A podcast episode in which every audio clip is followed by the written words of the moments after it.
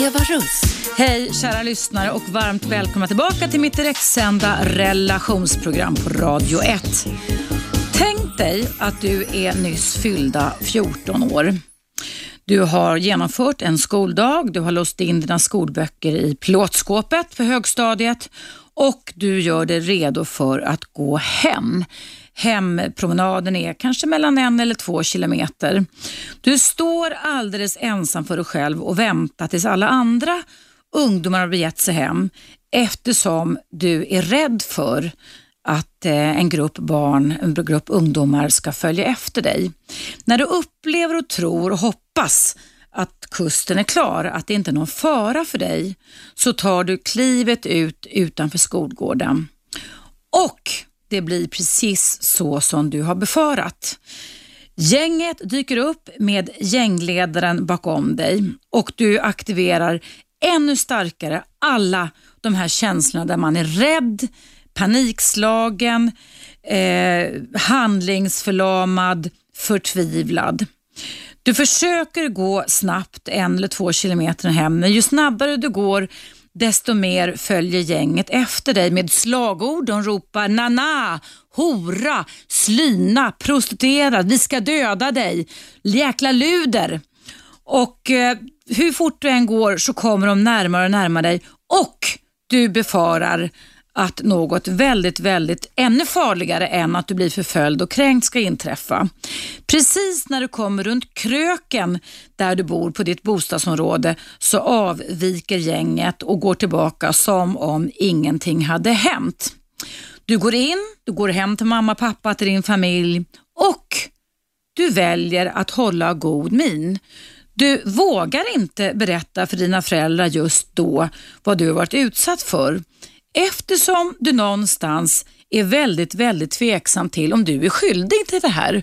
Om det var så att du var dum, om det var så att du hade gjort någonting dumt, om det var så att du såg annorlunda ut som gjorde att de här ungdomsgänget mobbade dig. Det här handlar faktiskt om min egen historia när jag själv var 14 år gammal. Jag eh, såg ut då, lite som nu i alla fall vad det gällde mitt hår. Långt och blont och lockigt, självlockigt hår hade jag. Och just då i början på 70-talet så gick det en tv-serie som hette Nana. Du som lyssnar nu kommer säkert inte ihåg den, men det handlade i alla fall om en fransk prostituerads Eh, eh, livsöden eh, i, i världen. Själv var jag okysst, jag hade inte dejtat någon utan jag gick till skolan med min fiol under armen. Men jag blev utsedd som mobbningsoffer eftersom jag var bra i skolan, jag spelade fiol och jag såg dessutom ut som denna Nana. Det var en fruktansvärd tid för mig. Det här höll på i nästan ett halvårs tid. Och trots att mina båda föräldrar var lärare så valde jag att svälja den här eh, mobbningskänslan inom mig. Och Varje morgon när jag drog upp persiennerna där jag bodde så hoppades jag på att nästa, när jag skulle gå hem från skolan på kvällen, för det var inte när jag gick till skolan utan när jag gick hem, så skulle det här gänget med gängledaren som var en tjej och resten var killar avstå ifrån att förfölja mig. Men det här pågick mer eller mindre ett halvår och till slut så brast bubblan för min del. Jag berättade gråtande för min mamma som också var högstadielärarinna om vad jag var utsatt för. Men jag trodde som en liten 14-årig flicka att jag hade mig själv att skylla. Att jag var så avvikande. Min mamma satte igång och kontaktade skolan. På den tiden så vet jag inte ens om det fanns några mobbningsplaner.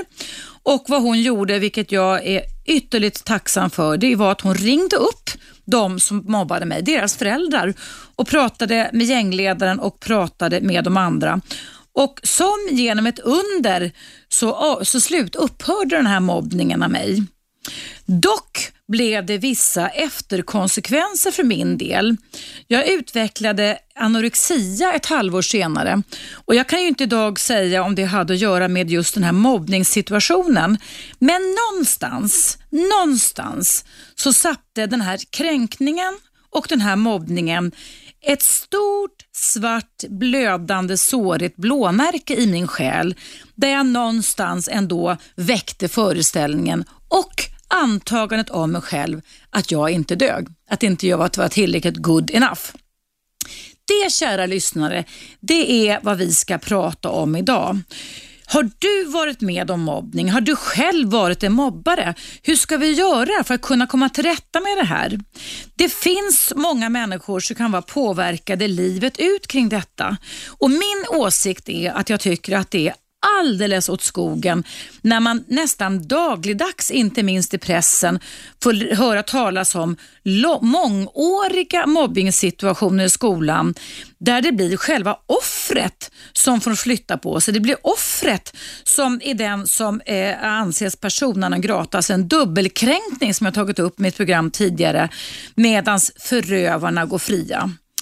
I mitt fall var det så att jag aldrig fick någon ursäkt av de som mobbade mig, men mobbningen upphörde, men mitt självförakt fortsatte. Eh, däremot när jag gick i gymnasiet tre, fyra år senare, så av någon slump, vi gick inte samma gymnasieskola jag och de som mobbade mig, så mötte jag den kvinna som mobbade mig och eh, jag fick aldrig någon ursäkt, men då, när jag var lite äldre, 17-18 år, så var hon väldigt trevlig mot mig och låtsades som om det regnade, som att det verkligen inte var något som helst problem alls. Och nu efteråt, eftersom jag tar upp det här ämnet idag i mitt direktsända relationsprogram, så kan jag faktiskt säga det. det. Det är ingenting jag ångrar, men nog hade det varit skönt att få säga ifrån. Inte att ge igen, det ska man inte göra. Men att få tala om för den här kvinnan, som för övrigt hade samma namn som mig också, vad jag tyckte och tänkte kring denna mobbing.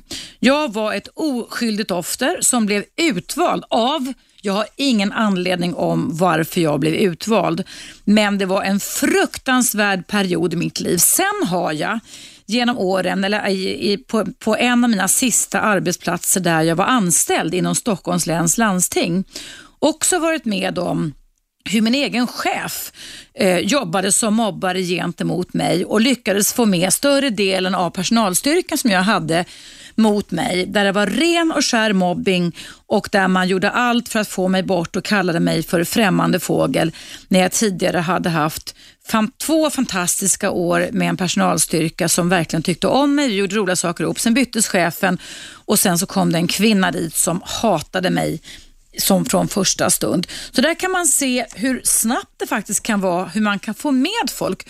Och Det visar också ganska många psykologiska experiment världen över som faktiskt har fått lov att avbrytas när man har velat se hur vi människor kan ändra tankar och känslor om andra människor. Att hos de mest välanpassade, schyssta, moraliskt, moraliskt högt stående människor så kan en mobbare faktiskt finnas. Ja, idag så kommer jag ha med mig en kvinna som har blivit mobbad och lite senare också en man som har blivit mobbad. Nu är det dags för en paus här på Radio 1, Sveriges nya pratradio. Jag heter Eva Russ och efter pausen så kommer jag att prata med journalisten och författaren Ulrika Lidbo, så häng kvar. Åsikter.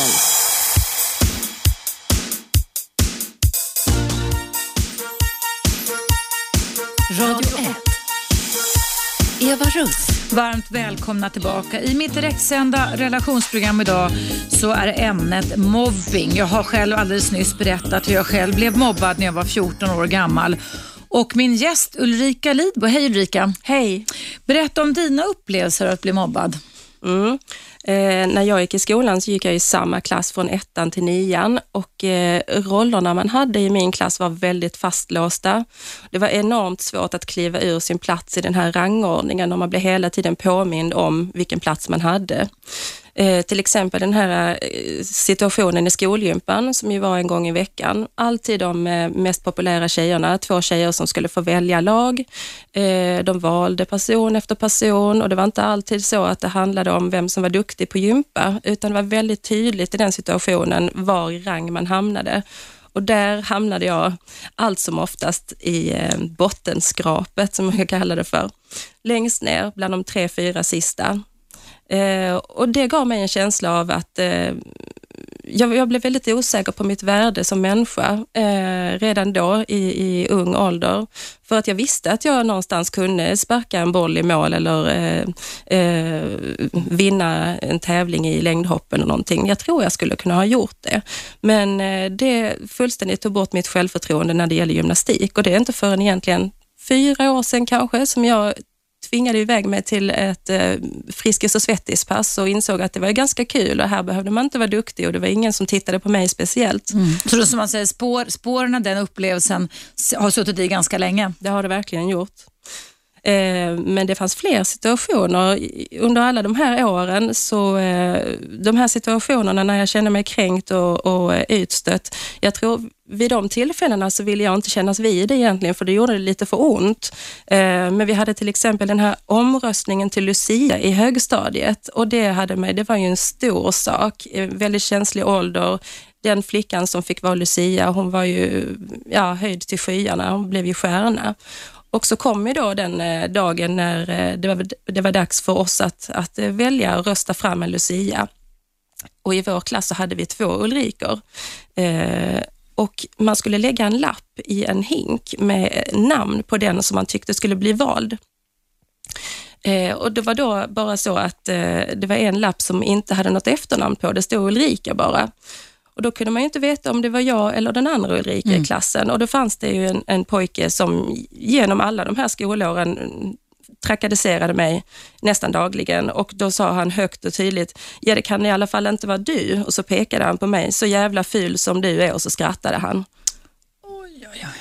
Oj, så förskräckligt. Så förskräckligt sånt sätter ju verkligen spår. Mm. För att det var ju inte så att min högsta dröm kanske var att bli Lucia, men att det åtminstone inte kunde vara jag och vad det berodde på, det fick jag ju höra högt och tydligt och lika väl alla andra i klassen. Oh, vad hemskt. Ulrika, du är med mig idag därför att du också är journalist och författare och kommit ut med en bok alldeles nyligen. Berätta vad den heter och varför du har skrivit den. Jo, jag har skrivit en bok som heter Inte vatten värd och den handlar just om utanförskap och, och längtan efter tillhörighet och, och den här starka rädslan man kan känna för, för att hamna utanför gruppen. Eh, och det är ju en ungdomsroman, men eh, jag tror att ämnet eh, kan, eh, är intressant i vilken ålder man än är i. För det här med mobbning och utanförskap eh, är ju ingenting som bara finns i skolvärlden och som drabbar unga människor. Um, och den handlar om en flicka som går i åttan, Edith. Precis som jag då, när jag blev mobbad. Just det, mm. åttan, mm. precis. En känslig ålder, det händer väldigt mycket mm. just i, i kompisgäng och, och liknande. Uh, den här Edith, hennes största längtan är att hon ska få bli kompis igen med sin gamla bästis som hon har haft genom alla år, Lucinda. Men eh, Lucinda tycker att hon ska börja umgås med andra istället och inte bara hänga de två alltid. Mm. Och Edith hon gör ju då vad som helst för att uh, få vara med i det här nya kompisgänget. Mm. Uh, de är lite häftiga sådär. Och uh, när det kommer en ny tjej till klassen, en isländsk flicka, Sigga, så börjar Edith frysa ut henne för mm. att hitta en stark position i det här nya tjejgänget. Det är en, ett slags en strategi hon tror att hon måste ha för att hon ska kunna vara accepterad i det nya gänget alltså? Just ja. det, för att få lov att höra till. Ja. Mm. Och det här går ju så långt då att eh, eh, när de åker på en klassresa till Gotland så eh, försvinner den här flickan Sigga under en tipspromenad och de mm. vet inte, ingen vet var hon är någonstans. Mm. Och eh, det jag har velat skildra där är ju just den här skulden hos förövaren eller mobbaren, mm. Om man ska säga så. För att Edith hon drabbas ju av några fruktansvärda skuldkänslor eh, och i den åldern har man ju kanske inte heller någon aning, alltså det finns en naivitet. Mm. Man förstår inte riktigt konsekvenserna och det är inte samma sak som att jag menar att man ska hålla mobbarna bakom ryggen eh, och att det är synd om dem mm. sådär, men, men jag tycker att att eh, det var intressant också att eh, fördjupa mig i just den här, det här perspektivet, mobbarens perspektiv. Varför gör mm. man som man gör? Kommer det ifrån dina egna upplevelser som du nyss berättade Ulrika Lidbo om mobbningen i skolan, både när det gäller val till gympalektionerna och till att nästan bli hädad och kränkt över att du inte passade in som klassens Lucia eller skolans Lucia?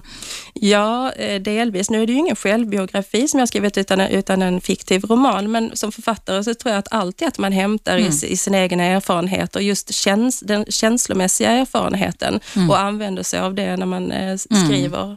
Jag låg och läste den här, eh, eh, den här ungdomsboken Inte vattenvärd. Vi ska säga det är Alfabeta förlag också som du Ulrika Lidberg skrivit igår. Jag låg och sträckläste den. Jag läste dina andra böcker också Decembergatans hungriga anda var ju fantastiskt och det fick ju du Slangbällan priset för, bästa debut 2009. Mm, men, men du skriver ju verkligen utifrån ett tonårsperspektiv och eftersom jag själv var lite mobbad när jag just gick i åttan så var den väldigt intressant för jag, det väckte ju mycket tankar och känslor hos mig.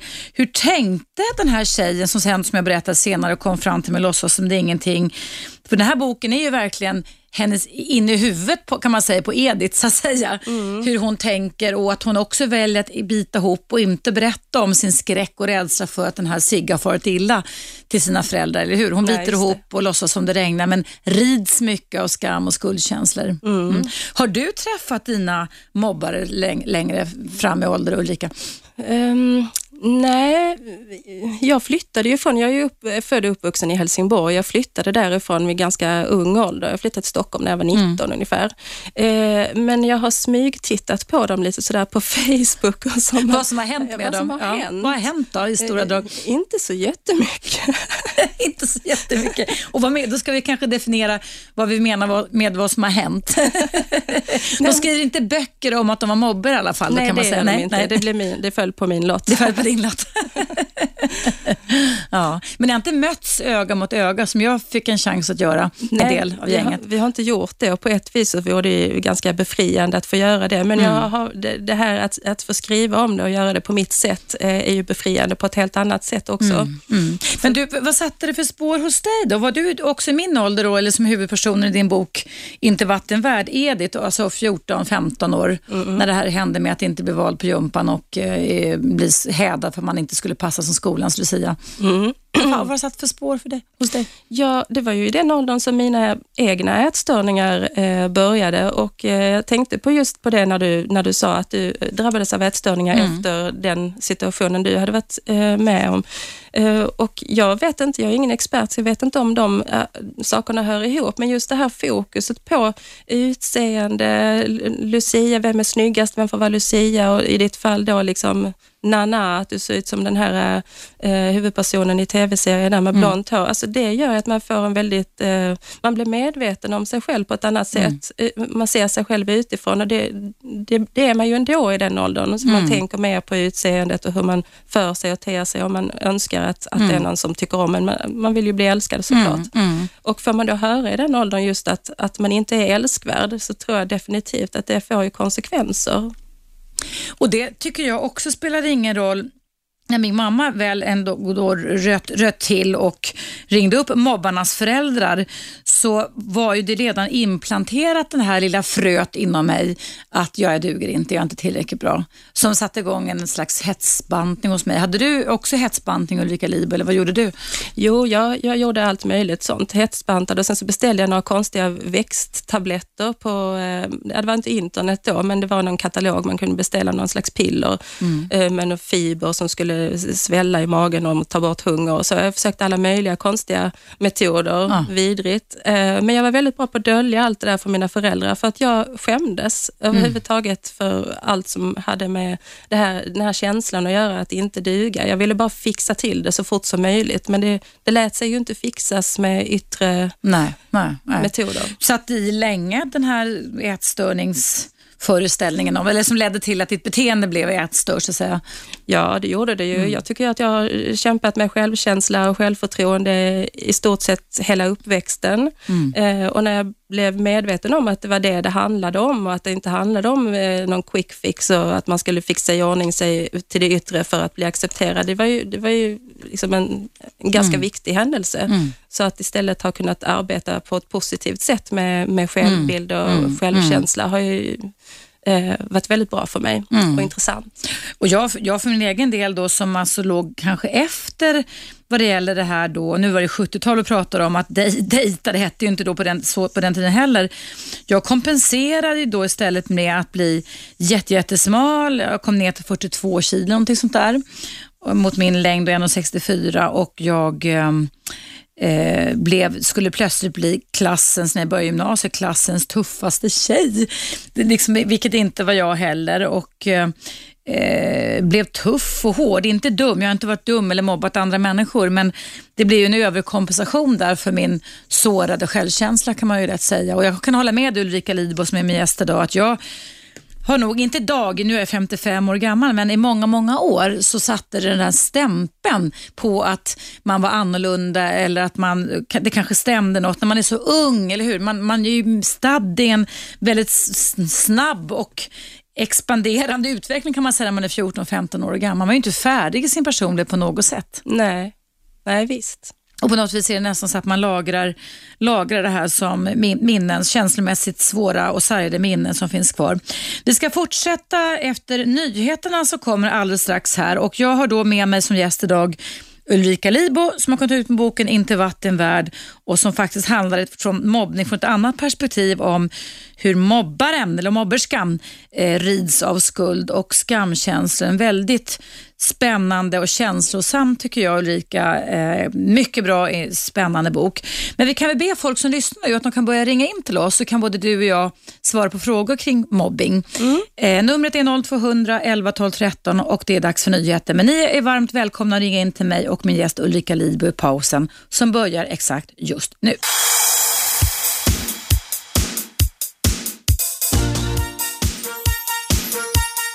Radio 1.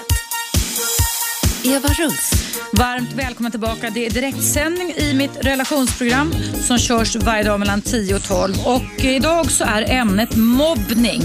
Jag har själv blivit eh, mobbad när jag var 14 år gammal och min gäst Ulrika Libo. Hej Ulrika. Hej. Har också blivit mobbad när du gick i skolan och var ungefär lika gammal som jag och du har också skrivit en bok som heter Inte vatten värd som kom ut alldeles nyligen som också handlar utifrån mobbarens perspektiv där i alla fall huvudrollsinnehavaren, det är en roman ska man säga, har skuld och skamkänslor. Nu får ni ringa in här och nu ska vi höra vad Kjell har på... Hallå Kjell? Nu ska vi se. Hallå, är du där Kjell? Ja, jag är med. Nu är jag med. Jättefint. Välkommen till mig och Ulrika Libo. Du är rakt in i studion just nu. Berätta vad det här ämnet väckte för tankar och känslor hos dig. Hallå?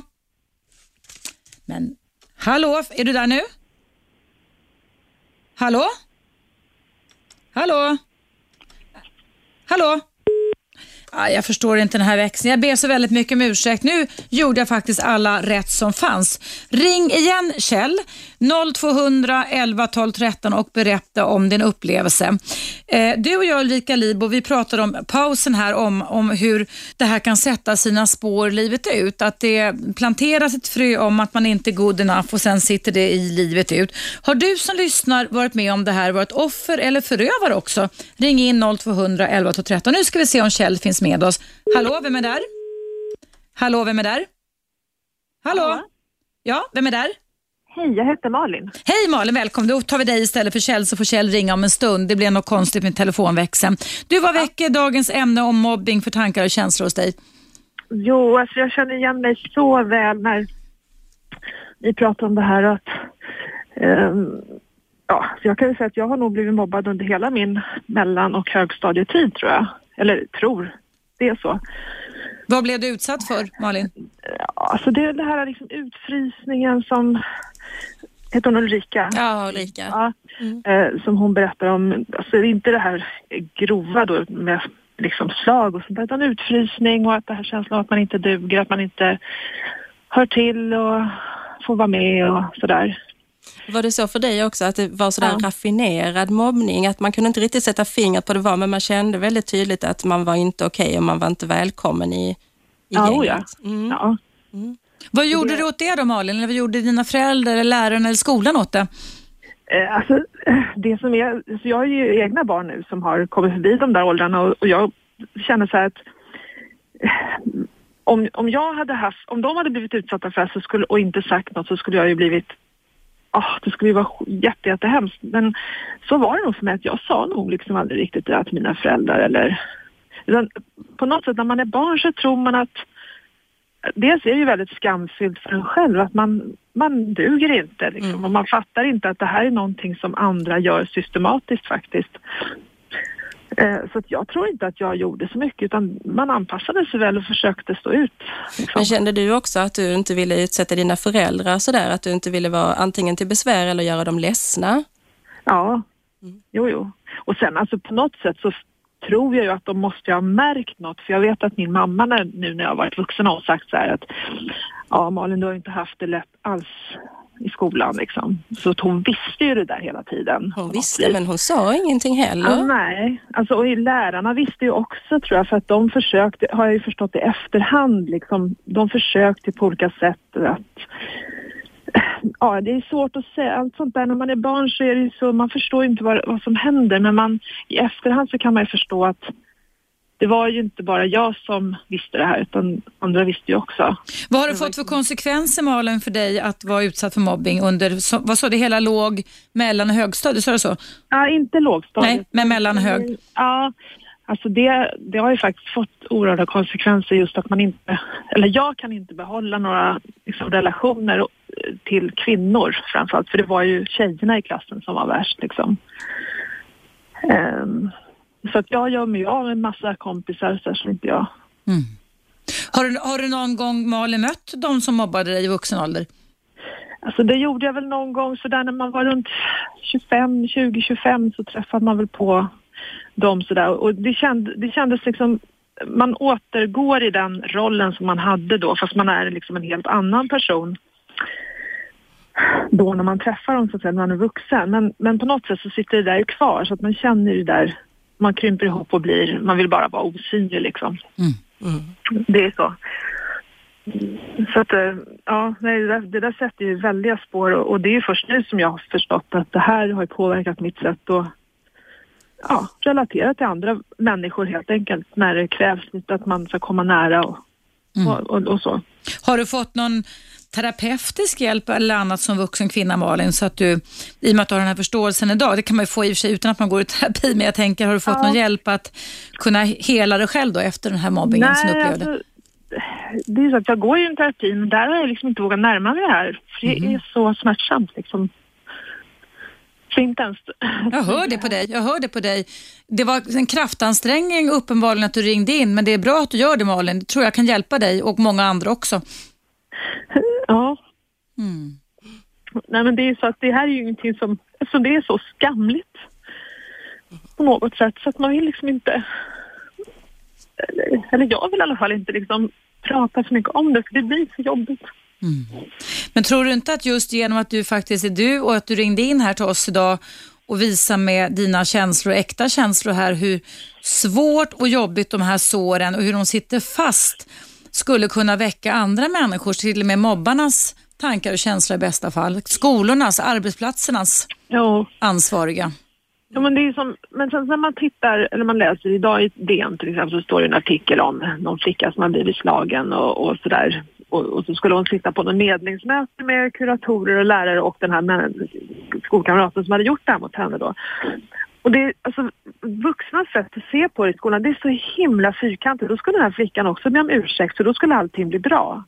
Liksom, alltså, jag fattar inte hur man kan... Alltså det, för det här med mobbingen, alltså, jag kan förstå att det fortgår också, för man vill ju inte blanda in vuxna, för då kan det ju bara bli etter värre. Ja, det måste ju vara fruktansvärt att sitta och, och, och möta sin uh, mobbare och behöva ha ett sånt här samtal på tu man hand eller med ja. vuxna omkring. Och det är en sån konstig psykologi Malin, alltså att man menar på att, för det har jag också hört, jag jobbade till och med också många, många år innan jag blev offentlig som skolpsykolog på, låg, eller på mellan, hög och gymnasienivå. Att ja. man alltså ska ha den här, och det gör mig så otroligt upprörd, även som skolpsykolog då, som nu mm. psykolog, att man ska ha den här 50-50-regeln att ja, visserligen blev du utsatt men du ska också be om ursäkt. Man ska ja. aldrig behöva be om ursäkt för att man blir utsatt för mobbing. Nej. Alltså det är Nej. out of the question, fullständigt. Ja. Nej, men det är som att man vågar inte ta i det, att, att barn kan vara onda på något sätt. Eller mm. man, och, och sen är det väl att då, det, har, det har blivit som att ja, vi ska inte ha mobbing på vår skola och nu så, det här var ju på 70-talet när jag gick i skolan, då mm. kanske det var annorlunda. Eh, liksom, men nu då så ska det vara nolltolerans och allting, men det kommer ju aldrig bli det. Liksom. Nej, och att det kanske nästan blir som att lite pinsamt även för de vuxna då, att vi misslyckades med den här nolltoleransen. Vår antimobbningsplan fungerade ja. inte.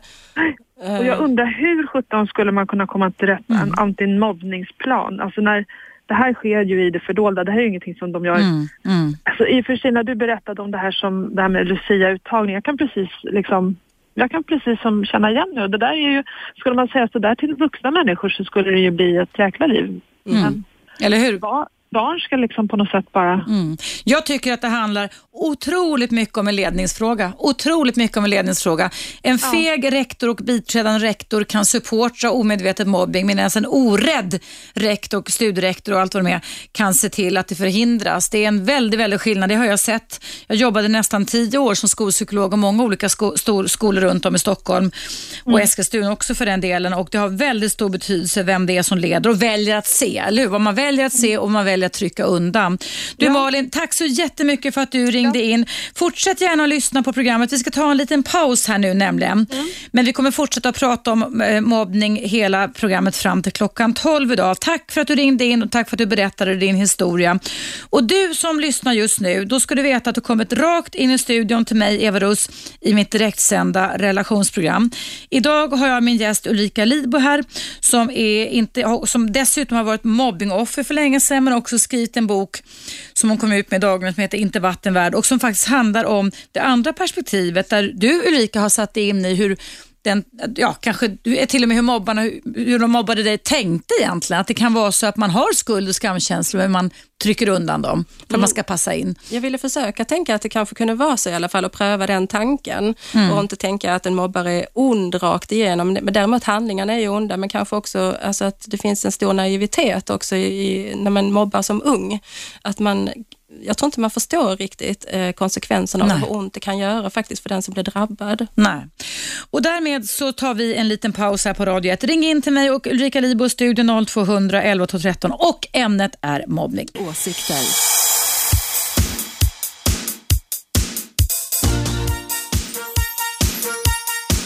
Radio 1. Eva Russ. Varmt välkomna tillbaka. I mitt direktsända relationsprogram på Radio 1 så pratar jag om mobbing idag. Har du varit utsatt för mobbing? Har du själv varit en mobbare? Ring in numret till 0200 11 12 13 och eh, till hjälp att kunna svara på frågor kring detta så har jag journalisten och författaren Ulrika Lidbo här. Hej Ulrika. Hej. Vi har pratat just kring och ur mobbing ur perspektivet mobbarens tankar och känslor och skuldkänslor. Du har själv varit utsatt för mobbing men också kommit ut i dagarna med en bok som heter Inte vattenvärd där du försöker sätta dig in i hur en mobb, tänkbar mobbare kan tänka. Mm, det stämmer. Men att man inte vågar i en känslig ålder avvika eller berätta vad som sker inom en helt och hållet. Mm. Nu ska vi höra med Kjell som har ringt några gånger och kopplas bort. Hallå, är du kvar där Kjell? Jag är kvar. Äntligen kvar. får man säga, äntligen. Vad bra. Precis, precis. ja, eh, du, berätta vad det här ämnet väcker för tankar och känslor hos dig Kjell. Det är tungt, jävligt tungt. Jag har varit mobbad i plugget i nio år. Oj, vilken, vilken, ja. vilka årskurser? Ja, ettan till nian. Och hur gick det till?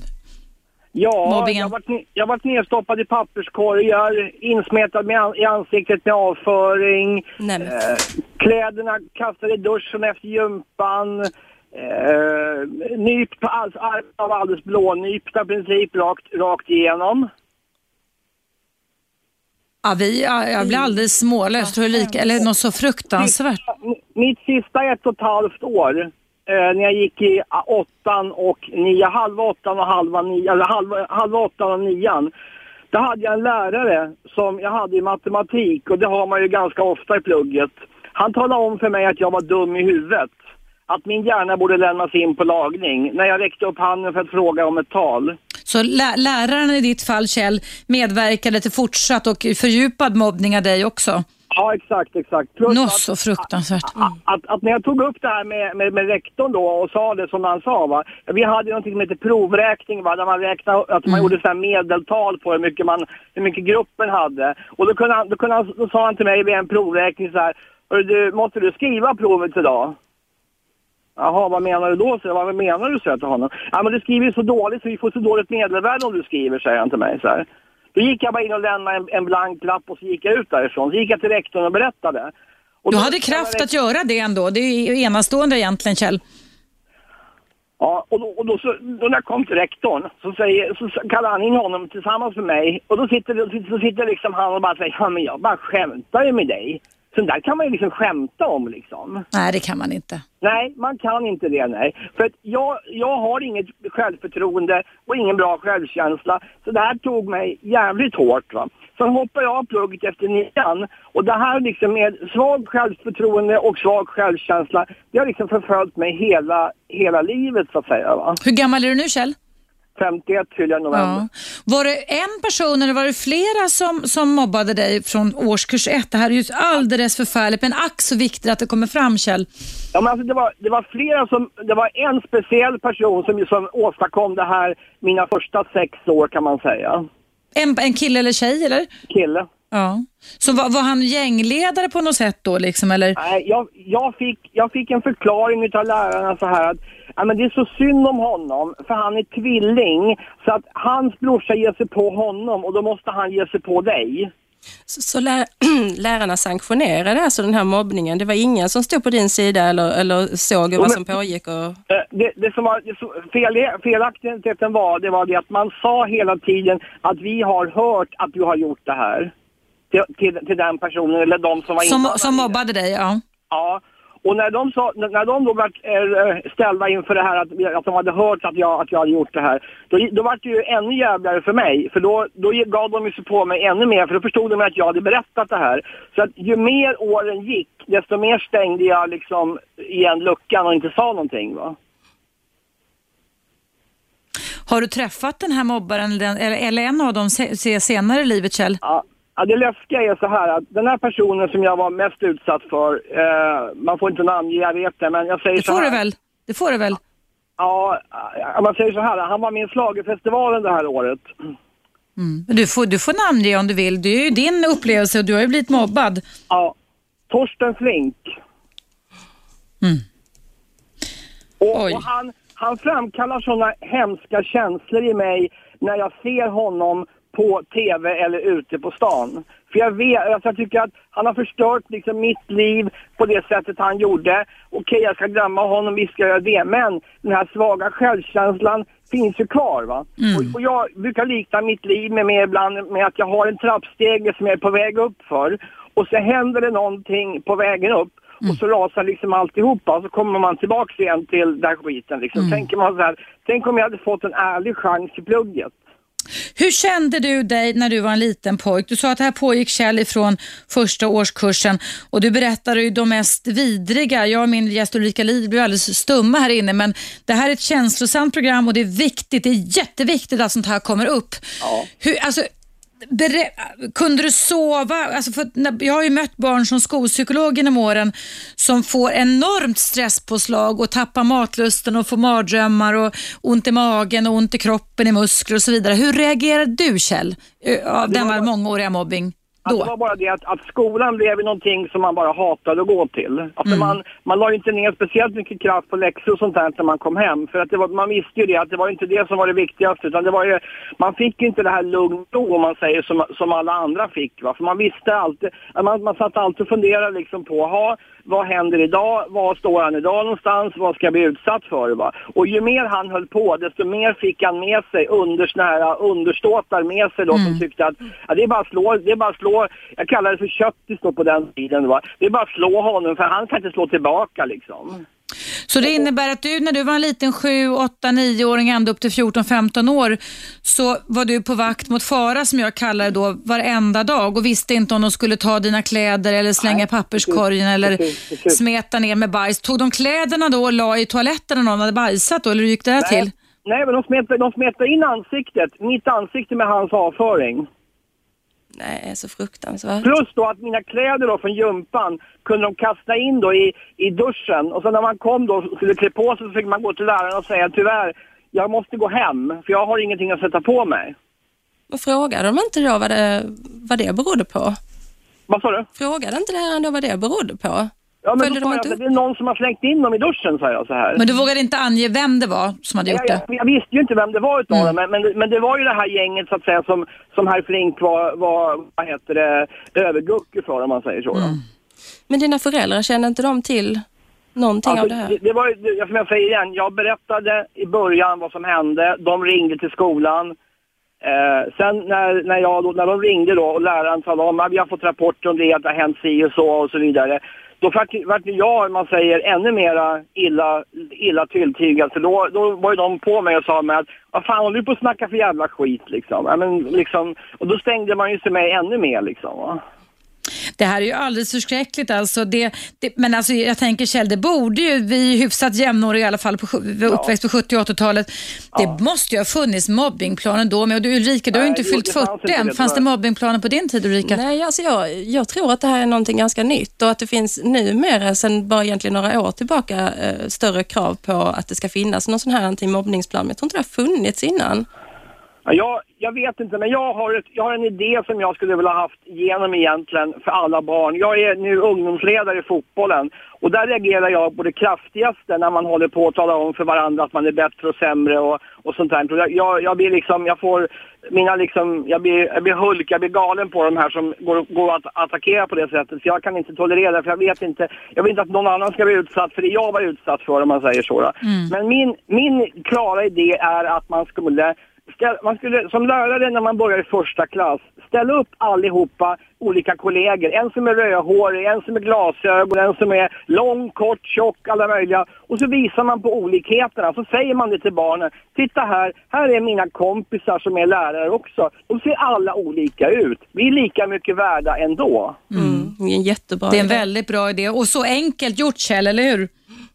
Du, har du någon gång eh, har du kunnat skaffa dig familj och sånt då efter de här ärren som du fick av nio års konsekvent mobbing i grundskolan? Problemet är att det sitter kvar även, även på, den, på den biten. Jag har, jag har sambo då så att säga nu va, men det är liksom just att när, när mina små, när mina misstag kommer, då faller jag liksom rakt ner va. Jag, har, jag har liksom ingen stabilitet i det överhuvudtaget och jag har sökt hjälp på sådana här ja, ja, psykomottagningar men Ja. de tror, de tror, många tror inte på mig för att jag kan prata om det, jag kan berätta hur jag känner att, Men vet du vad, där behöver du stå på dig och sö- uppsöka, det har jag sagt flera gånger i mitt program, du kanske har hört det Kjell, det här med EMDR som är en traumabehandlingsmetod som hjälp, hjälper mot sj- själsliga blåmärken som kan vara 30-40 år gamla. Man provade ut den först på Viet- Vietnamveteraner i USA på 60-talet, eller som var s- skadade på 60-talet men som Ja, ja, ja. inte kunde fu- fungera på 90 och 200-talet. EMDR, googla på det Kjell. ja, EMDR. Ja, och gå till en husdoktor och hälsa från mig. Be att de lyssnar på det här programmet för det här kommer i repris då 19 ikväll. Du Kjell, du ska ha jätte, jättetack för att du ringde in. Det var en fruktansvärd mobbningshistoria du berättade om.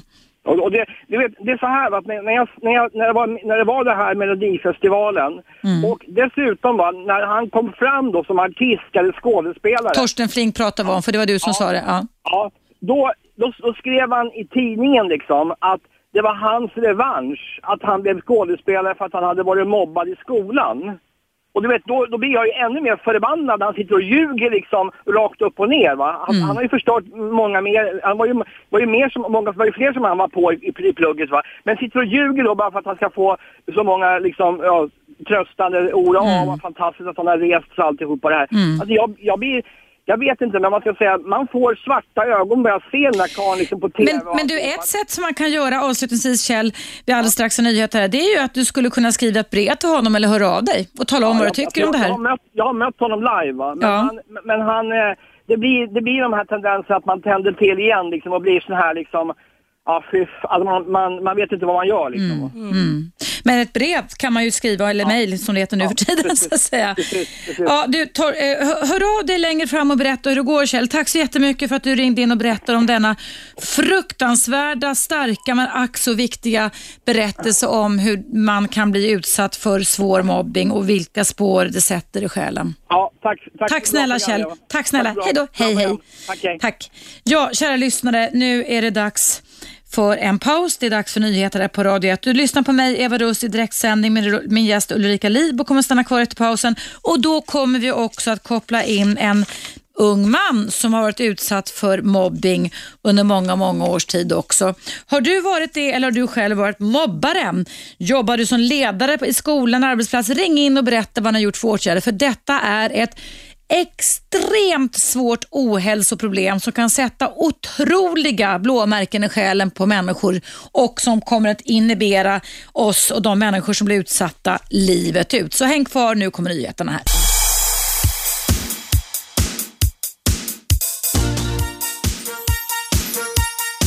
Radio 1. Eva Russ. Mycket välkomna tillbaka. Idag är det direktsändning som det alltid är. Måndag till fredag här. Jag heter Eva Russ och ämnet handlar om mobbning. Jag har en gäst här, det är Ulrika Libo. Hej Ulrika. Mm, hej. Du eh, har skrivit en bok som heter Inte vattenvärd utifrån en tänkt mobbares perspektiv eftersom du själv har upplevt mobbning. Vi hade väldigt, väldigt viktigt, svårt och känslomässigt starkt samtal här med Kjell innan pausen. Vad tänkte du kring det Ulrika? Mm, ja, jag tänkte på det. Han sa att han hade blivit mobbad av den här kända personen som, eh, som eh, han tyckte det var provocerande att, att den här personen sa att, att han hade fått en revansch från sina egna mobbare, eh, nu i vuxen ålder när han var offentlig person. Eh, men det kan ju vara så att han blev mobbad och sen tog ut det genom att själv bli mm. mobbare. För att så, jag tänker på den här boken jag har skrivit, Inte vattenvärd, där är det ju så för huvudpersonen att hon blir själv utsatt och för att inte så att säga trilla dit och, och bli hackkyckling så, så ger hon sig på någon annan och så blir det som en sån här kägeleffekt då jag vill inte vara den som hamnar längst mm. ner. Mm. En viktig betraktelse tycker jag. Nu ska vi prata med Björn som har stått och väntat här. Hallå Björn! Ja, hallå. Hej, Björn välkommen Hej. till vårt program. Ja, tack. Berätta, du heter Björn Hultman, är 24 år gammal. Vad har du varit med om i livet kring mobbing? Ja, utanförskap framförallt, den här mm. psykiska då. Att inte få vara med i grupparbeten och rasterna och gympan och så här. Lite som ni har pratat om tidigare då. Mm. Och det var mycket verbalt också. Att jag fick höra kränkande ord, att jag var ful och äcklig och glasögonorm och alla de här kränkande sakerna man kan tänka sig. Så det, det, var ju en väldig påfrestning och det här skedde ju under hela låg-, mellan och högstadiet, alltså nio års tid. Då. Det är samma sak som Kjell som ringde in som också var utsatt ja, för det under nio års tid. Lite, lite igenkänning där faktiskt, det var mm. det. Hur, hur hanterade du det, dina föräldrar och skolan det? Ja, alltså det beror på vilken del, men ibland så agerade lärarna och, och försökte göra lite grann, prata med mobbarna och, och så här. Men det blev bättre en kort tid, sen kom det tillbaka igen och, och så här. Och i vissa fall då lärarna bara ignorerade och sa att men det där var bara på skoj, det var inte så farligt och så här. Så att ibland så blev man ignorerad och ibland så fick jag lite stöd och hjälp, men de flesta gångerna så fick jag ju inte alls stöd. Och det är det som är problemet i dagens samhälle, att vi får ju inget stöd ifrån vuxenvärlden. Mm. Hur påverkas du av det här då Björn? Av att ha varit utsatt? Det är ju så, så förskräckligt alltså hela den viktiga barndomsdelen som med skolan att göra, i alla fall grundskolan, grundskoletiden att göra. Ja, jag påverkas under, under skoltiden påverkas jag väldigt mycket psykiskt då, för jag hamnar in i en depression och självskador och...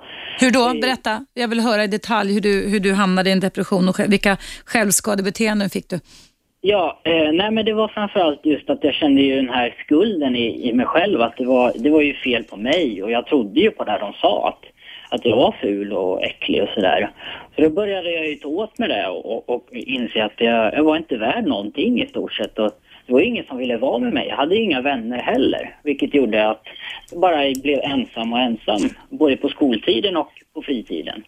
Så då, då gick jag in i, i liksom en försvarsbubbla, en, en egen bubbla där jag inte ville berätta någonting. För tidigare hade jag ju berättat lite och då hade det ju inte hjälpt så mycket. Mm. Och vad, vad, vad ledde detta till då för din del? Att du ja, började belasta dig själv och tro på det de andra mobbarna hade fått dig och tro på att du var ful, äcklig och inte vattenvärd. Ja, jag började ju liksom mer eh, tycka att jag, jag var inte värd någonting och då blev det ju en destruktiv beteende att jag började skada mig själv med, med självskadebeteende på... Men vad gjorde du när du hade självskadebeteende? Det finns så många olika. Vad gjorde du? Ja, jag skadade mig själv i armarna. Du skar dig eller? Ja, precis. Rispade eller skar så att det blödde? Ja, så att det blödde ja. Ordentligt. Må många är det du gjorde eller? Ja, det blev en hel del ja. Och, och det, det, sitter ju kvar än idag. Det är ju det, är ju det man måste leva med framöver. Men hur upp, var det någon som upptäckte att du, var det självmordsförsök du gjorde då eller var det rispningar för att få uppmärksamhet ja, alltså, att någonting var på gång för din del? Ja, i åttan så blev det ju självskadebeteende. Sen i nian gjorde jag faktiskt självmordsförsök eh, som gjorde då att nu förstod ju lärarna mer allvarligt i det hela. Att nu mådde jag så här dåligt som de inte egentligen hade vågat inse tidigare. Så att det ledde ju alltså till ett självmordsförsök i, i slutändan om man säger. Skar du dig då med eller vad gjorde du då Björn? Nej, då tog jag överdos av sömntabletter. Oj, oj. Och först då menar du så vaknade man till ordentligt? Ja, precis. Och då fick jag hamna till skolkuratorn, barn och ungdomspsykiatriska, där jag fick samtal i två års tid och, och, och bearbeta det hela. Och då hade det alltså gått nio års tid av kränkningar och i vissa fall hade jag till och med bett om hjälp från lärarna men då var det ju bara ignorering eller det var bara på skoj och det var inte så farligt. Lyckades du sluta med självskadebeteendet sen när du fick eh, professionell hjälp? Ja, eh, genom eh, BUP då så fick jag hjälp både från självskadebeteendet och självkänslan och självförtroendet och kunna bygga upp eh, en, en, en, egen eh, livstro på det hela. Och tack vare det så kunde jag bli av med beteendet. Och jag, sen började jag skriva dikter istället och skriva av med tankarna istället för att få ur dem på kroppen om man säger. Mm. Men vad bra. Mm. Ja, visst. Och du, berätta vad, det, det, det var du som också berättade för oss om vad du gör idag. Du har vänt det här, den här oerhört ohyggliga erfarenheten att vara svårt mobbad så att det leder till självskadebeteende och självmordsförsök när man går i nian, alltså man 15 år gammal eller 15 år ung. Vad, vad, du fick professionell hjälp, men mobbarna fick ingen professionell hjälp, för det borde de ju också fått egentligen i och med att det är otroligt dysfunktionella och destruktiva beteenden de håller på med under så lång tid. Ja. Absolut, det är ju precis det jag också fram, framspråkar då i, i min föreläsning som jag då har. Ja, berätta vad du gör idag, hur du har vänt det här till ja. någonting annat, Björn. Eh, ja, eh, bland annat så föreläser jag och debatterar om det här i både media och i lite all, all andra sammanhang. Jag har en blogg också. Bland annat. Säg vad den heter så kan man gå in och titta på den. Ja, antimobbning.wordpress.com antimobbning.wordpress.com Ja. Och du heter Björn Hultman. Vad gör du på skolorna nu för tiden? Är det, det liksom heltidssysselsättning för dig då?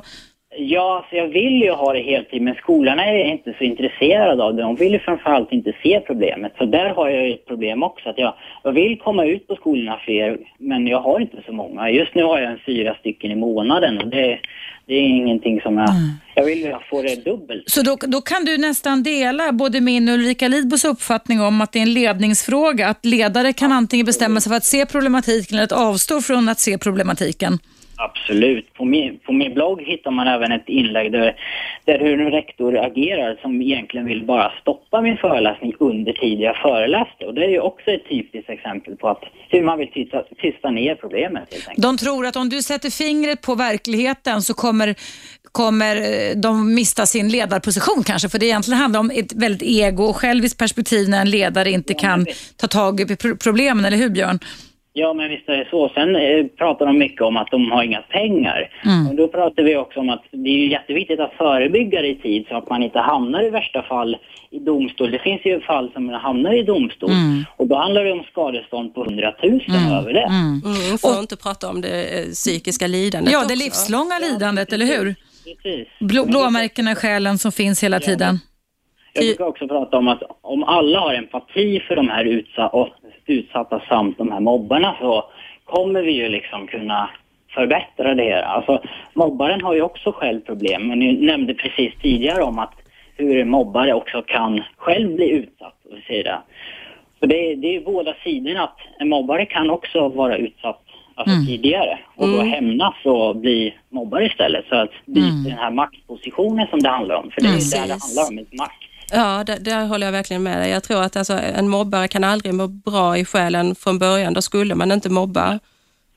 Precis, och mm. den har ju också dåligt självförtroende. Det är ju ett sätt också att, att öka sitt eget självförtroende genom att utsätta någon annan. Det är ju, det är ju där det gäller att se båda typerna, för väldigt ofta så fokuserar man ju på de utsatta och hur de tänker. Men stoppar vi och förebygger vi inte de här mobbarnas tänk, då har vi ju problemet fortsätter mm. i i samhället. Exakt. Jag tycker du gör en fantastisk insats Björn Hultman som har lyckats vända denna upplevda motgång till att kunna hjälpa andra människor. Vi ska avsluta samtalet med dig med att säga att man kan också mejla dig på motmobbning ett enda ord snabelaggmail.com. Ja, eller och sen, gå in på hemsidan. Där eller så jag säger den en gång till. Din webbsida är alltså antimobbning.wordpress.com. Du heter Björn Hultman och är diplomerad ja. ungdomscoach och föreläsare. Skolor, ring och ta dit Björn. Det är ett viktigt ämne. Tack så jättemycket Björn för att du ville vara med oss tack på tråden idag. Tusen tack. tack. Hej då, hej hej. hej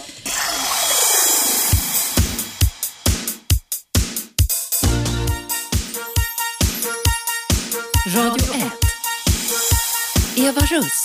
Varmt välkomna tillbaka. Jag sitter här i studion med författaren och journalisten Ulrika Lidbo och har ämnet kring att hur man kan göra för att kunna komma åt mobbare. Det är väldigt många som har blivit mobbade som har ringt in och du Ulrika Lidbo har också skrivit en bok utifrån mobbarens tänkta perspektiv. Mm, det stämmer som heter Inte vatten värd som kom ut på Alfabeta förlag alldeles nyligen. Det är jättemånga som ringer in här. Vi har pratat med flera stycken som varit utsatta för mobbing. Nu ska vi prata med en ung man som hade lite idéer om vad man kan göra kanske för att förebygga. Hallå Tobbe? Nej men, eh, hallå där. Hej, välkommen till vårt program. Nu hann inte jag höra exakt vad du skulle säga, men berätta vad du, det här ämnet väckte för tankar och känslor hos dig, Tobbe. Jo, nej, jag tycker att det känns mycket som att eh, det bara är fina ord på pappret från allt för många inom eh, skolans värld. Mm.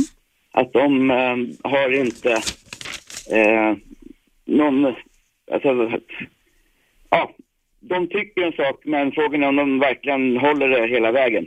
Mm. Har du själv märkt detta på något sätt och i sådana fall hur? Eh, jo, nej, men jag har eh, jobbat inom skolans värld. Ja. Och eh, både under, eh, ja, när jag själv jobbade och eh, sen för egen del också så blev vi tvungna att sluta av olika anledningar. Mm.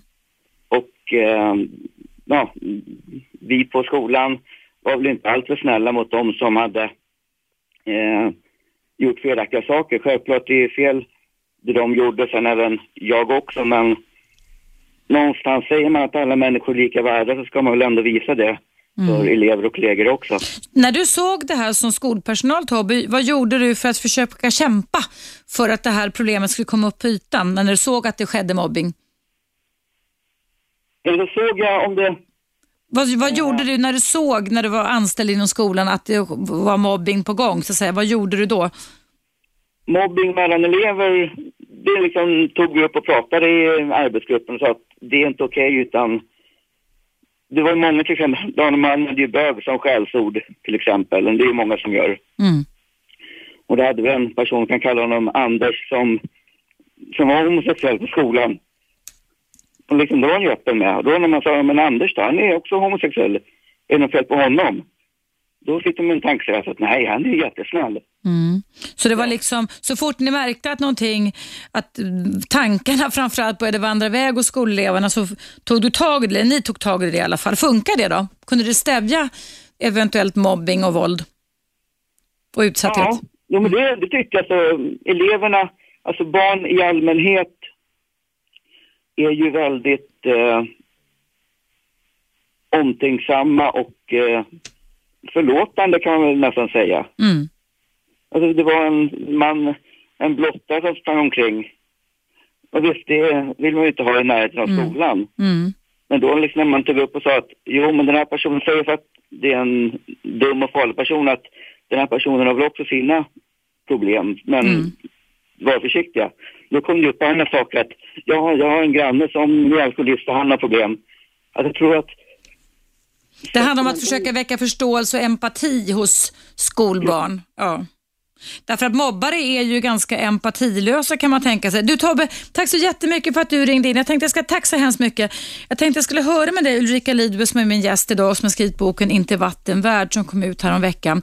Du skriver utifrån mobbarens perspektiv. Hur, hur, hur gör man för att försöka sätta sig in i hur en mobbare tänker och känner? Ja, hur gör man? Alltså jag, eh, när den här karaktären, huvudpersonen Edith, dök upp i mitt huvud, då, då, tyckte jag ganska illa om henne och jag tänkte ju eh, i början att hon var en, en ond person. Mm. Eh, men ju mer jag lärde känna henne och så, jag ville verkligen vara i hennes värld och skriva om henne och liksom fantisera kring hur hon mm. gjorde i olika situationer. Så då insåg jag ju mer och mer att det handlar inte om ondska, utan eh, alltså handlingarna är ju såklart onda, men, men eh, det är just det som en, en tidigare kille sa som ringde in att, att äh, även mobbaren har ju sina problem från början. Mm. Annars skulle man inte mobba. Nej. Och Det är också sånt som jag har tagit del av Ulrika Libo, nämligen den att, ähm, som jag tog upp i min senaste bok om hat, eller hatfulla relationer, att det finns klar evidens i många större undersökningar världen över att barn som varit utsatta för mycket bråk, mycket konflikter eller där föräldrarna har uttryckt väldigt starka åsikter, lite vi och dom-tankar när man är små kan präglas till att uttrycka det, alltså forts fortsätta och bete sig likadant så som föräldrarna betett sig. För barn tar efter så som föräldrarna gör, både i beteenden och i tankar och känslor. Mm. Och så är man då osäker och har eh, låg självkänsla från början, då har man kanske ett större behov också av att hävda sig och positionera sig gentemot sina mm. kamrater och då mm. kan det ju få de här tråkiga konsekvenserna. Mm. Jag, jag, blev ju själv i inledda programmet med då, svårt mobbad, dock inte som Kjell, stackaren alltså, som var utsatt för alltså riktig fysisk, fysiska kränkningar, men jag blev förföljd. Och eh, ibland, nu när jag ändå tar upp det här ämnet idag, så har jag funderat lite över vad hände med de som mobbade mig? Kanske de kan ringa in och bekänna vad de gjorde. Jag hette Vestas på den tiden. Eva Vestas hette jag. Kanske ni kommer ihåg att ni var jättedumma mot mig. Det har ju varit jätteintressant. För ibland funderar man lite, vad blev det av de här människorna som gör på det här sättet? Mm. Och någon som har mobbat överhuvudtaget, om mm. någon lyssnar på programmet. Det har varit jätteintressant att få höra hur, hur du tänkte Mm. när du mm. mobbade.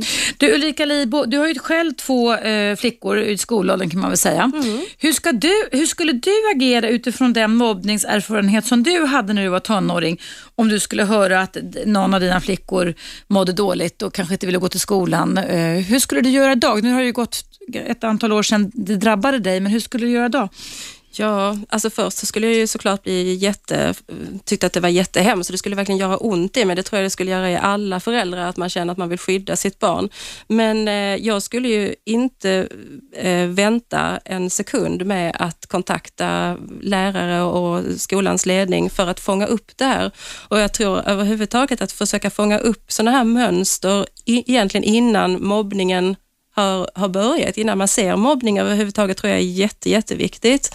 Eh, titta på olika, eh, hur går det till när man eh, väljer vem man vill eh, hänga med på skolan?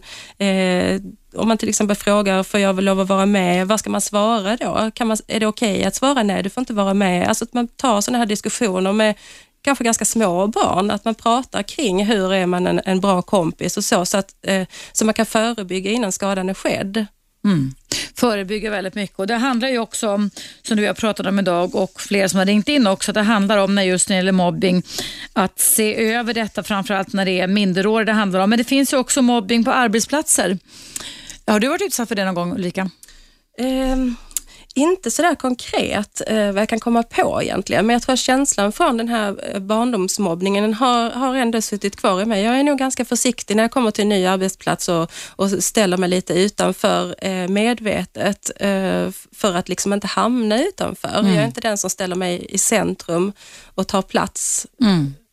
Mm. Mm.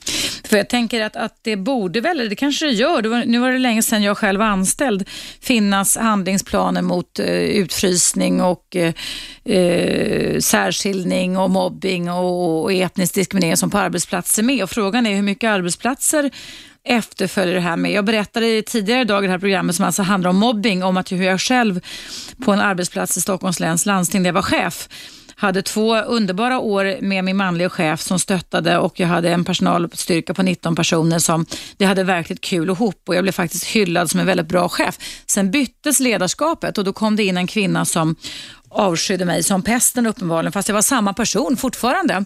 Och Hon ledde faktiskt en här gentemot mig där hon i princip nästan lyckades med att få mig avsatt. Och Jag hade inte ändrat mig, utan det var personen som hade ändrat sig och som bestämde sig för att jag var en främmande fågel inte passade in.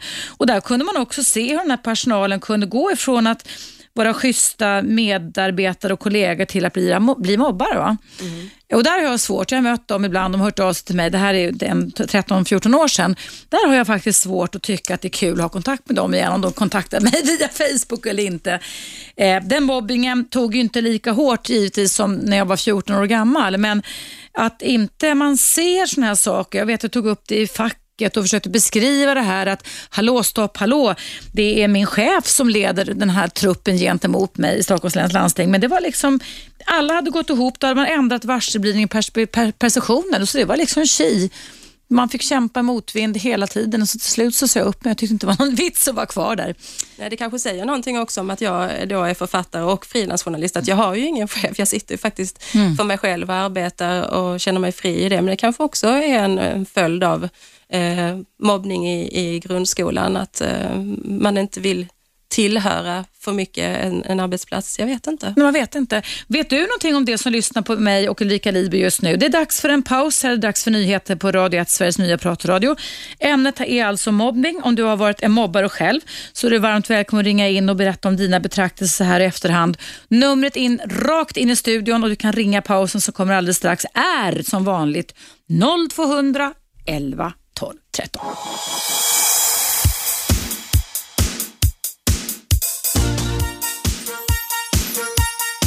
Radio 1. Eva Russ.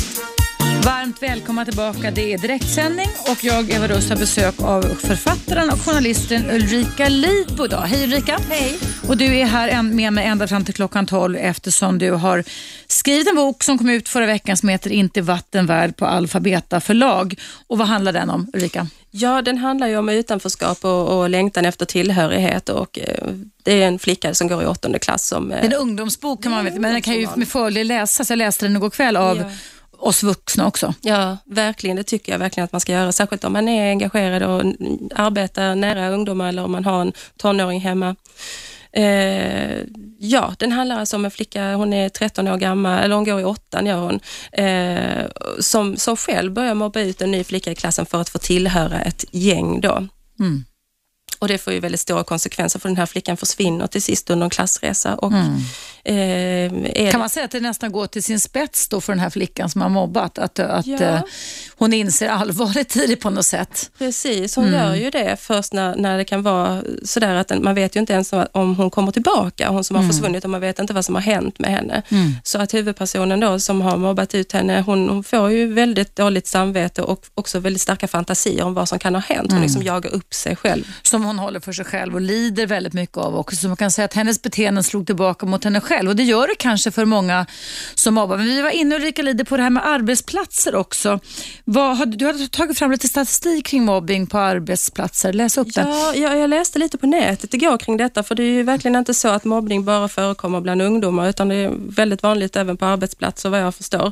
Och tydligen så, så eh, blir alltså mellan 10 000 och 30 000 personer långtidssjukskrivna på grund av kränkningar varje år. Men det 10 mellan 10 och 30 000 här i Sverige. Och man kan bara tänka sig vad det får för konsekvenser och, och ekonomiskt och psykiskt lidande. Och, och till och med har jag läst att det är så illa att eh, mellan 100 och 300 personer inte ser någon annan utväg än att begå självmord på grund av trakasserier på arbetsplatsen. Och det är ju verkligen fruktansvärt. Mm. Och det här är statistik från Arbetslivsdelegationen.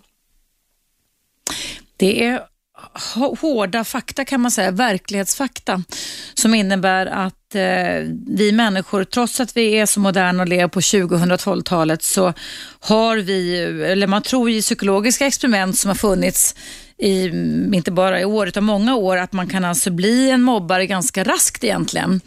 Man fick ju avbryta eh, experiment för ett 20-30-tal år sedan där forskare ville se, inom min vetenskap, se eh, om man kunde vända folk mot varandra och det blev ju så att man fick fram otroligt hatfulla och elaka och sadistiska beteenden. Man fick avbryta de här experimenten. Så det innebär att någonstans inom oss så har vi någon form av hat, hat inom oss som en kraft men att alla inte behöver klicka igång det och använda det gentemot andra människor. Oftast handlar det väl också om, Ulrika Ribom, att en känsla av att förhäva sig själv. Mm. Det tror jag också. Men sen eh, i Sverige så tydligen så saknas det sådana här konkreta straffsanktioner, alltså vad man kan göra åt om det finns mobbning i, på arbetsplatsen jämfört med i Norge då, där de har samma lagar som, som här. Eh, men där så har man tillämpat dem mycket eh, kraftigare eh, eller mer aktivt än förut och satt press på arbetsgivarna som har börjat ta sitt ansvar mycket starkare. Och, eh, det som jag läste igår eh, i eh, Unionens tidning Kollega kollega så stod det att eh, den förra statsministern Kjell Magne Bondevik höll ett nyårstal 2004 där han manade till nolltolerans på arbetsplats Mm. eh, och mobbning på arbetsplats. Och då startade man projektet Jobbing utan mobbing eh, i Norge och eh, ett projekt som varade i tre år där, där man framförallt la fokus på förebyggande åtgärder och det har tydligen fått väldigt goda följder. Jobbing utan mobbing, det var väl en bra slogan. Det var väl fantastiskt bra. Eh, vad fint att du tagit reda på så mycket statistik kring detta. Jag antar att du löper gatlopp just nu, Ulrika Lidbom, med din nya bok Inte vattenvärd, så att du har det, men det gynnar mig. Nu ska vi se om Hans finns kvar på tråden. Hallå Hans! Hej Hans. Hej, vad du var gullig som fick vänta så länge. Skulle inte många som talar med mig i de språken. Nej, men då får du ta åt dig det i sådana fall. Ja, tack. Berätta vad det här ämnet väckte för tankar hos dig Hans. Ja, det är ju verkligen aktuellt i mitt personliga fall och även med den här psykopaten som jag har lyckats eh, få eh, hand om här på RSMH. Och eh, vi har faktiskt, jag har inte, har inte gjort en polisanmälan Har du hittat henne? Du ringde ju in. Nu ska vi... Nej, Ja, vi håller på att utreda. Okej. Men, eh, det, jag har alltså inte polisanmält de som eh, mobbar henne, men jag har gått in Och det här är vu- vuxenmoggen vi- vi pratar om då Hans. Mm. till vuxenmobbning. För att... För, En för... sjuk människa alltså, som har ju visserligen fruktansvärda relationsproblem då på grund av sin sjukdom. Mm. Om det nu är psykopati eller sociopati då. Mm. Mm. Men du, berä, men berätta, berätta, berätta mer om dig istället för om henne. Vi, vi kan prata om det en annan gång. Vad har du upplevt för slags mobbing och vad har det fått för Ja. konsekvenser för dig Hans? Ja, det är väl där jag sitter nu, alltså som sjukpensionär sedan 15 år tillbaka. Och, Hur, ga- hur gammal är du Hans? Nu är jag 69 år. Ja. Har det med mobbning att göra menar du? Att, det att, kan hända oss under min egen, kan man säga, kanske sårbarhet. Mm. Skulle jag kunna tänka mig. Det har jag efter min mor också. N- när började din, mobbningen mot dig då Hans, när du gick i skolan? Hur gammal var du då? redan i tredje och, eller fjärde klass i folkskolan. Och vad hände då? Ja, då skulle jag ha klassspö, tyckte läraren i, i min klass. Vad sa du att det hette? Läraren i min klass eh, förordade klassspö mot mig. Klasspö? Ja, precis. Vad är det? Vad är det? Ja, det är någonting som användes. Det här är på 50-talet, 43, 50, ja det är med 50-tal, 50, 60, 50-talet. Man hade ju sånt då, det här är ju länge sedan. Men vad var klassbö för någonting? Klassspö, då, då fick man stryk alltså utav klassen som var utsett av läraren. Mm. Det är en gammal sån här disciplinåtgärd alltså man fick och så fick man pekpinnar slagen över fingrarna. Och man blev luggad och lyft i håret och dragen i öronen. Men nu låter det som att det var mobbing från läraren du beskriver istället. Ja, det är det. Var det så det började för dig Hans? Ja, det är en av mobbningarna. Alltså. Det, det anser jag att det är. Alltså. Mm, ja, Jag har visst. snudd på tjänstefel i dagens Sverige. Nej, men vi hörde ju Kjell som ringde in här som också berättade hur han, det var väl Kjell Ulrika Libo, och hur lärarna ifrågasatte hans kompetens i matte, eller vad var det han sa? Ja, men precis. Ja, att han inte det. ens Mm. behövde göra Mm. det där provet. Du Hans, vad, vad, eh, kunde, kunde någon agera ge- för dig och mot mobbarna när du gick i skolan på 50-60-talet? Nej, tvärtom. Och ställde väl upp på naturligtvis lärarens uh, order och sina egna ondskefulla tankar. Det innebär att ingen kunde ifrågasätta vad det var som skedde utan man bara så hade ett väldigt ensidigt perspektiv på det, en ensidig syn på det. lärarna förordat det är klart att ungarna då, vi har väl ungar i kan man säga, kan det ha varit någonting 13 år sedan. Mm. Det innebär att det blir en, som man kan säga i, i modernt språk, en tankekultur, en tankesmitta. Ja, det var ju den... Som, som smittar då. av sig där, där, där man ömsom eh, håller på med, med syndabocksletande och gentemot barn. Det är ju förskräckliga saker du beskriver Hans. Vet du vad, det är många som ringer här. Jag får tacka dig jättemycket för att du ringde tillbaka och det här med din vän där, det får vi prata om i något annat program när jag tar upp det ämnet. Tack, tack för att du ringde in och berättade om dina upplevelser. Nu är det dags för eh, en liten paus här igen. Ämnet handlar om mobbning. Eh, det är tyvärr väldigt många som har ringt in här och velat också prata med många som har ringt in och varit utsatta för det. Har du själv varit en mobbare, en förövare? Ring in, det vore intressant. Du kan vara anonym här. Numret är 0200 11 12 13 och vi hörs efter pausen som kommer här.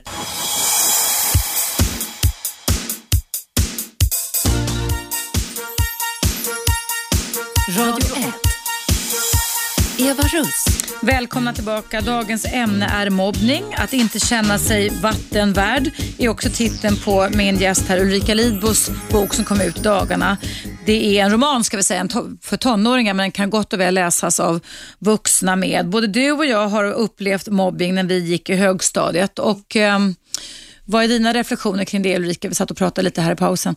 Ja, jag kommer att tänka på att jag inte bara blev mobbad av klasskamrater utan jag hade faktiskt lärare också som jag kände väldigt starkt eh, avskydde mig. Och till exempel en, en hemkunskapslärare. Jag tyckte väldigt mycket om att laga mat. Jag brukade baka hemma och, och sådär när man väl fick lov att stå vid spisen själv utan föräldrarna. Eh, och jag, vi var tre tjejer som alltid eh, umgicks eh, och Eh, två av de flickorna fick vara i en, ett matlag eh, på hemkunskapen medan jag sattes med två pojkar som var ganska busiga. Eh, och följden blev ju den att eh, de fick jättefina betyg. Det här var ju åttan då som man hade precis fått betyg Eh, medan mina betyg var usla eftersom jag fick springa efter de här pojkarna hela tiden i min grupp som skulle hälla diskmedel i såsen och liknande. Och eh, det gick så här långt då att eh, en dag så skulle vi äta våra bullar som vi hade bakat vid förra tillfället det var hemkunskap. Och då var det en bulle borta och då tittar hemkunskapsläraren på alla i klassen och så spänner hon ögonen i mig och pekar på mig och säger, det var du, det är du som är tjuven, det var du som tog en bulle. Helt grundlöst, för hon ville verkligen sätta dit mig för någonting om det var möjligt. Um, mm. Så förfärligt. Mm. Det, det, förmodligen får man väl hoppas Ulrika Liba att det där sker på en, för den här personen, lärarens omedvetna nivå.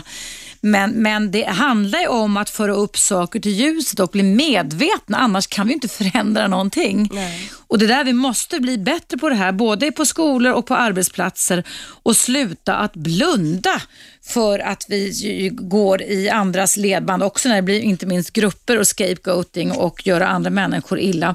Vi ska höra om, om Fredrik finns kvar. Hallå Fredrik! Ja, jag är här. Hej, har du hunnit svälja en bit av cheeseburgaren än eller? Nej, inte än. Den är på väg. Den är på väg. Berätta vad det här samtalet väcker för tankar, eller ämnet rättare sagt väcker för tankar. Det är två saker. Först så minns jag min egen skolgång och den var väl inte alltid så munter med tanke på att jag var lite av den hetsiga typen och, och gick väl igång lätt när man retade mig och det tyckte de andra var skitkul såklart att dra igång. Va? Mm. Men det fick också effekten att eh, man blev syndabock. Eh, det var jag som blev arg som fick ta all skit av lärare och skolkuratorer och alltihopa. Mm. Det var eh, aldrig de som retade mig som fick han så mycket som en tillsägelse. De var oskyldiga och kunde stå där och bara vifta av sig det hela. Ja, men de var ju duktiga i skolan. Mm. Vad fick det för konsekvenser för dig då under ja, uppväxten? Det var ju en grundskola som, eh, alltså från mellanstadiet hela upp i högstadiet så var man ju, jag mådde ju skit. Det var ständiga bråk och tjafs, eh, ett par stycken då som höll på mycket på mig. Och eh, när man inte orkade argumentera verbalt, då slogs man ju. Mm. Men när man började göra det, då vart man ju utplockad ur lektioner och, och, man fick banningar och det var samtal hem och det var allt möjligt skit. Va? Mm.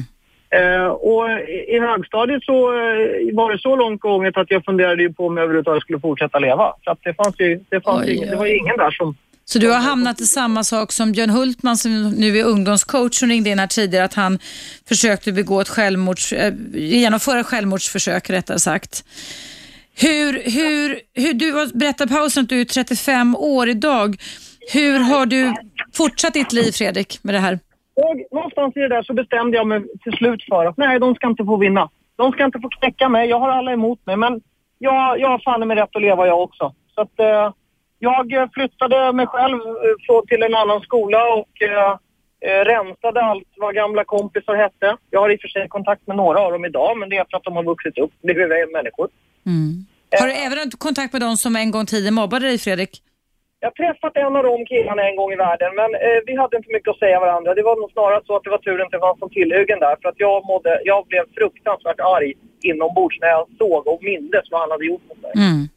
Men sen den andra sidan av det här, alltså när man har det här bagaget med sig och så har man egna barn idag som kommer upp i lågstadiet och mellanstadiet och man ser och hör hur barn, vad jävliga barn kan vara mot varandra. Mm. Vad otänksamma de är när de säger och gör saker. Och fortfarande så märker man att det är lärare av den gamla skolan. Nu pratar vi de som fortfarande var lärare på 80-talet, som fortfarande är verksamma idag. Som totalt förnekar att det finns problem. De bara, nej men det är ingen fara, det är bara barn som är sådana. Vad är man rädda för egentligen undrar jag Fredrik och även Ulrika Liber här. Vad är det som gör att vuxna människor väljer att förneka? Alltså det finns ju väldigt massa förklaringar i och för sig men alltså att man tycker att det är jobbigt att ta tur med det här för, trots att det finns planer även för dina. Hur gamla är dina barn Fredrik? Eh, äldsta är tio. Ja, då, då är det ännu mer aktuellt idag än vad på våran tid, eller min tid i alla fall på 70-talet med antimobbningsplaner och arbetsmiljöplaner och att de ska följas. Och det, det, jag tror att de gamla lärarna, de har ingen verktygslåda för att hantera det här. De, vet- de vet inte hur de ska göra med eh, problembarn eh, som en eller två per klass som ställer till det för så många andra. Mm. Istället för att adressera problemet och gå till roten med det så väljer man att skydda de andra i klassen genom att säga nej men bara vänd andra kinden till. Mm. Det är Och då- farligaste man kan göra. Och då är man lite medlöpare tycker jag. Ja. Eller hur? Det här har alltså medfört att jag har en nolltolerans mot den här typen av beteende för mina barn. Eh, eftersom jag vet ju hur själv jag mådde när det där var så. Och hur, hur agerar du då när, när du visar nolltolerans Fredrik? Jag har gått väldigt hårt åt skolan. Eh, det har jag gjort. Eh, och det har jag gjort därför att de, eh, det är de som står ansvariga för barnens arbetsmiljö Mm. och skolmiljö. Ja. Jag som förälder kan inte punktmarkera barn där på skolan. Jag har ett annat liv och, som ska eh, skötas. Mm. Och jag måste känna att skolan gör allt de kan. Och det, de har fått jobba väldigt mycket med just den här biten på, på mina barns skola därför att det finns flera eh, element där som inte är stabila och trygga att ha för andra barn. Mm. Och man får väl ändå säga att de har gjort sitt bästa. De har ett antimobbingteam, de har eh, actionplans action plans för eh, ett antal olika scenarios, eh, kommunikation med föräldrar och så vidare. Så att idag så har man ju i alla fall en verktygslåda för den moderna läraren och den moderna skolan som i alla fall går att öppna och jobba med. Mm. Vad bra. Men det innebär också att det låter som du beskriver Fredrik, att det är föräldrarna som måste vara väldigt aktiva och, in, och, och, och inte ge upp när skolan i sådana fall förnekar och ger upp. Det, det är helt rätt. Och, eh, jag, jag kan föreställa mig, jag har hört kompisar berätta också om skolor där rektorn kan vara lite så här, jag har inga resurser. Eller lärarna som säger, ja, ja, men det är ingen fara och försöker släta över det. Och min enda tanke är, alla har en chef. Om inte rektorn är beredd att göra det som krävs, då finns det någon kommunalpolitiker som är ansvarig. Och i värsta fall får man väl gå ännu högre upp i så fall och börja kalla in Skolverket, Skolinspektionen. För att någonstans så måste de ändå eh, se till att arbetsmiljön för barnen är så bra som den kan bli. Mm. För om man skulle flytta hela det här mobbningsscenariot i skolan, acceptansen där, och så sätter man den på vilken som helst arbetsplats i Sverige idag, Mm. Då skulle det inte få fortgå många minuters sparkar och slag vid fikabordet innan polisen kom och grep någon för misshandel. Kan ligga väldigt mycket i det du säger Fredrik. Bra. Prata klartext. Den parallellen- Den parallellen skulle jag vilja att man tog med sig och tänkte på i livet. Jättebra. Tack snälla Fredrik för att du väntade och ringde in och berättade om all, dina upplevelser och dina åsikter kring detta. Tusen tack, ha en jättebra dag och kör försiktigt till Västerås. Tack, hej, hej, hej. Ja, det är många som ringer här, men jag tänkte att vi skulle avrunda lite. Ulrika Libo, du har ju skrivit fler ungdomsböcker eh, tidigare, bland annat Decembergatans hungriga andar. Den handlade om vad då? Den handlade ju om eh, ätstörningar framför allt och, och eh, ja, egentligen alltså eh, vär, egenvärde. Att, eh, ja, att det kan, bristen på egenvärde och dålig självkänsla kan... Är det också lite självupplevt? Ja, men det är det ju. Även om det inte är en självbiografi, för det är det ju inte, utan det är ju romaner jag skriver. Men det är ju klart hämtat ur mig själv. Mm. Och nästa bok heter Farsta fritt fall. Den har jag faktiskt hemma, men jag har faktiskt inte läst den egentligen Nej. speciellt mycket. Vad handlar den om? Den handlar, det är två flickor som, eh, jag växlar per eh, perspektiv mellan två flickor som har det väldigt olika ställt hemma. Den ena kommer från en väldigt trygg familj och den andra har eh, ganska knepigt. Hon tar hand om sin mamma mer än mamman tar hand om henne. Mm. Och då möts deras vägar och den handlar, kan man säga, om att det är inte alltid den som har det bäst, de bästa förutsättningarna på ytan som lyckas bäst ja, i skolan eller i livet, utan det handlar mycket om revansch och sådana saker. Mm. Mm. Och sen då den här senaste boken, Inte vatten värd, eh, skriven av Ulrika Libo, som är en roman som jag läste, lusläste den igår kväll, som alltså handlar om, det tänkte i alla fall som du skriver Ulrika, mobbarens tankar och känslor, där det gudskelov verkar som att den här mobberskan Edith börjar förstå att det hon har gjort inte var något bra. Mm. Och Det får man väl innerligt hoppa, hoppas att många som har lyssnat på det här programmet nu när ute kan få en tanke och känsloväckare, som jag kunna säga, och eh, eh, börja göra bot, börja agera, till och med vända er om ni har mobbat och be om förlåtelse. Att ge ett offer upprättelse är oerhört viktigt när detta offer har blivit kränkt, inte bara en gång utan under lång tid. Som vi har hört flera väldigt, väldigt starka, känslomässigt starka och svåra historier kring mobbing idag i mitt direktsända relationsprogram. Nu är det dags att avrunda för idag, men vill du lyssna på programmet i sin helhet så går mitt program Eva Russ i pris vardagar klockan 19 till 21. Men du kan alltid när helst du vill lyssna på en gratisapp du kan ladda ner för Radio 1 eller på radio1play.se. Och har du som lyssnar just nu synpunkter och åsikter som har att göra med inte bara dagens ämne utan andra ämnen som du tycker jag ska ta upp, mejla in till mig evaradio1 gmail.com eller tala in dina meddelanden på telefonsvararen på Radio 1 som faktiskt står på dygnet runt. Och numret till telefonsvararen är 0200 11 12 12. Därmed sätter jag punkt för programmet idag. Jag får tacka dig Ulrika Liebe för att du var med mig hela programmets slut och jag önskar dig lycka till med din bok också. Tack så mycket. Det var nyttiga kunskaper du har kommit med. Och du kära lyssnare är välkommen att lyssna till mig imorgon igen. Samma tid och samma klass, plats klockan 10.00 på Radio 1, Sveriges nya pratradio. Om en liten stund är det dags för Best of Aschberg. Ha en bra dag. 101,9 Radio 1. Sveriges nya pratradio.